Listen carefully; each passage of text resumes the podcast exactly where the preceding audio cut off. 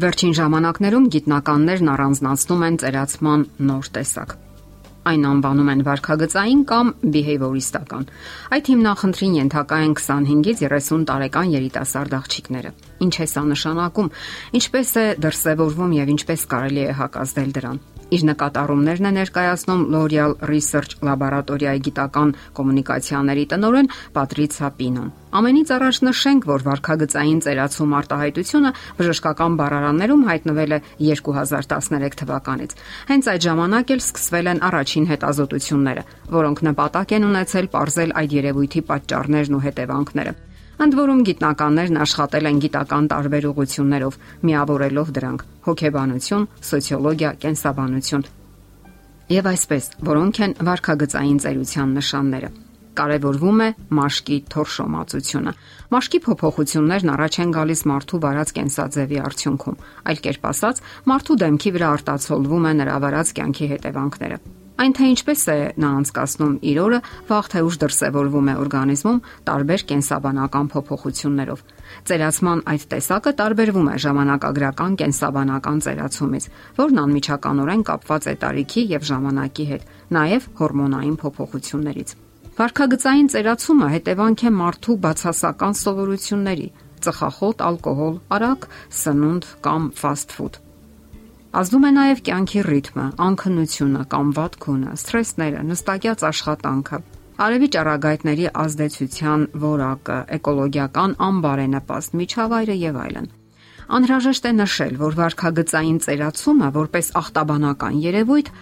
ախտահարում է առաջին հերթին 25-ից 30 տարեկան երիտասարդ աղջիկներին։ Պատճառն այն է, որ կտրուկ փոփոխությունների է ենթարկվում կանանց սոցիալական վիճակը Այժմ նրանք ավելի շատ են աշխատում։ Նրանց ավելի ու ավելի շատ են նշանակում պատասխանատու պաշտոններում։ Նրանք լարված մարտեր են մղում աշխատանքային առաջընթացի պայքարում։ Իսկ այս ամենի հետևանքում ավելի վատ են քնում, քրոնիկական սթրեսների մեջ են, սկսում են սխալ սնվել եւ այլն։ Եվ երբ անցնում է մի քանի տարի,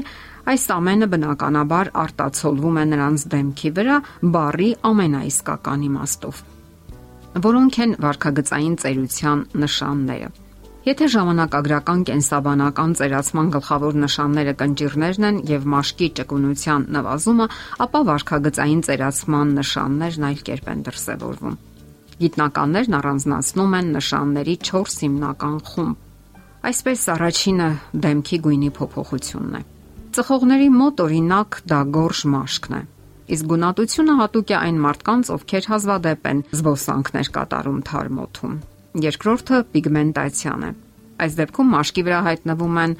չոր հատվածներ։ Պատճառը ուլտրամանուշակագույն ճառագայթներն են։ Չափից ավելի արևայրուքը եւ արևային լոգանքներով չափից ավելի հրապուրվելը։ Երրորդ նշանը հոգնած տեսքն է։ Աչքերի տակ հայտնվում են կապույտ բծեր, որը գերհոգնածության եւ վատ քնելու ու սթրեսի հետևանք է։ Չորրորդը լայնացած քրտնագեղձերն են, որ բոքումը յուղոտ փայլը։ Պատճառը սխալ սննդակարգն է եւ նյութափոխանակության խանգարումները։ Ընդ որում նշենք, որ վարքագծային դրսևորումները անհատական բնույթ ունեն։ Եթե որոշ երիտասարդներ ենթակա են բոլոր գործոններին, ապա որոշների մոտ էլ դրսևորվում են առանձին նշաններ։ Այսօր շատերն են իհարկե առողջ կենսաձև վարում, չեն ծխում, չեն խմում, ճիշտ են սնվում, զբաղվում են մարմնամարզությամբ, բայց այնուամենայնիվ նրանք չեն կարող խուսափել վարքագծային ծերություն առաջացնող բոլոր գործոններից։ Մենք բոլորս այսօր տարապում ենք հսկայական քաղաքներում արկա վատ էկոլոգիայի պատճառով, ինչպես նաև ժամանակ առ ժամանակ հայտնվում ենք սթրեսային իրավիճակներում, կյանքի խելագար ռիթմի արդյունքում։ Ինչ անել երիտասարդ տեսք ունենալու համար։ Առաջին հերթին անհրաժեշտ է լավ քնել։ Դրան հատկացնել օրական 7-ից 8 ժամ։ Քնել լավ օթափողված սենյակում, որտեղ ջերմաստիճանը 18-ից 20 է։ Հարկավոր է նաև ճիշտ սնվել։ Քաղցր եւ յուղոտ սնունդը, կիսապատրաստ ուկներն ու ֆաստ ֆուդը արգելակում են բնականon նյութափոխանակությունը եւ նպաստում օրգանիզմում թունանյութերի կուտակվելուն։ Իսկ այդ ամենը անբարենպաստ է անդրադառնում մաշկի վրա։ Հարկավոր է նաև հրաժարվել վատ սովորություններից։ Առաջին հերթին հարկավոր է ազատագրվել վնասակար սովորություններից՝ ծխախոտ եւ ալկոհոլ։ Դրանք խախտում են արյան շրջանառությունը եւ բջիջների նյութափոխանակությունը։ Հետևանքն էլ լինում է դեմքի գունատությունը եւ մաշկի ճկունության կորուստը։ Հարկավոր է նաև պաշտպանվել արևի ճառագայթներից։ Գոյություն ունեն հատուկ քսուկներ եւ այլ միջոցներ, որոնք կարելի է օգտագործել ոչ միայն արցակուրտների ժամանակ։ Արևայրուկ ընդունելիս հարկավոր է զգույշ լինել, գործելով ճափավորության սահմաններում։ Իսկ ընդհանրապես հարկավոր է օգտագործել բնական կոսմետիկայի միջոցներ։ Նաև մի շատ կարևոր պահ հարկավոր է խուսափել սթրեսներից հնարավորության սահմանում։ Թեպետ չկան համապարփակ դեղատոմսեր, սակայն ամենակարևորն այն է, որ կենսական դժվարությունները հարկավոր է ընդունել հավասարակշռված եւ խաղաղ։ Դուք կարող եք այցելել լողավազան, մերսումների, Հնարավոր է ձեզ ավելի սրտամոտ է խոհանոցը։ Կարող եք այցելել խոհարարական դասընթացների։ Սովորեք հանգստանալ ու թուլանալ։ Գտեք ձեզ համար հոգեհարազատ եղանակը։ Իսկ աշխատանքից ազատ ժամերին փորձեք մոռանալ աշխատանքային հիմնախնդիրները։ Զբաղվեք ընթերցանությամբ կամ մարմնամարզությամբ։ Ավելի հաճախ այցելեք հանգստի վայրեր։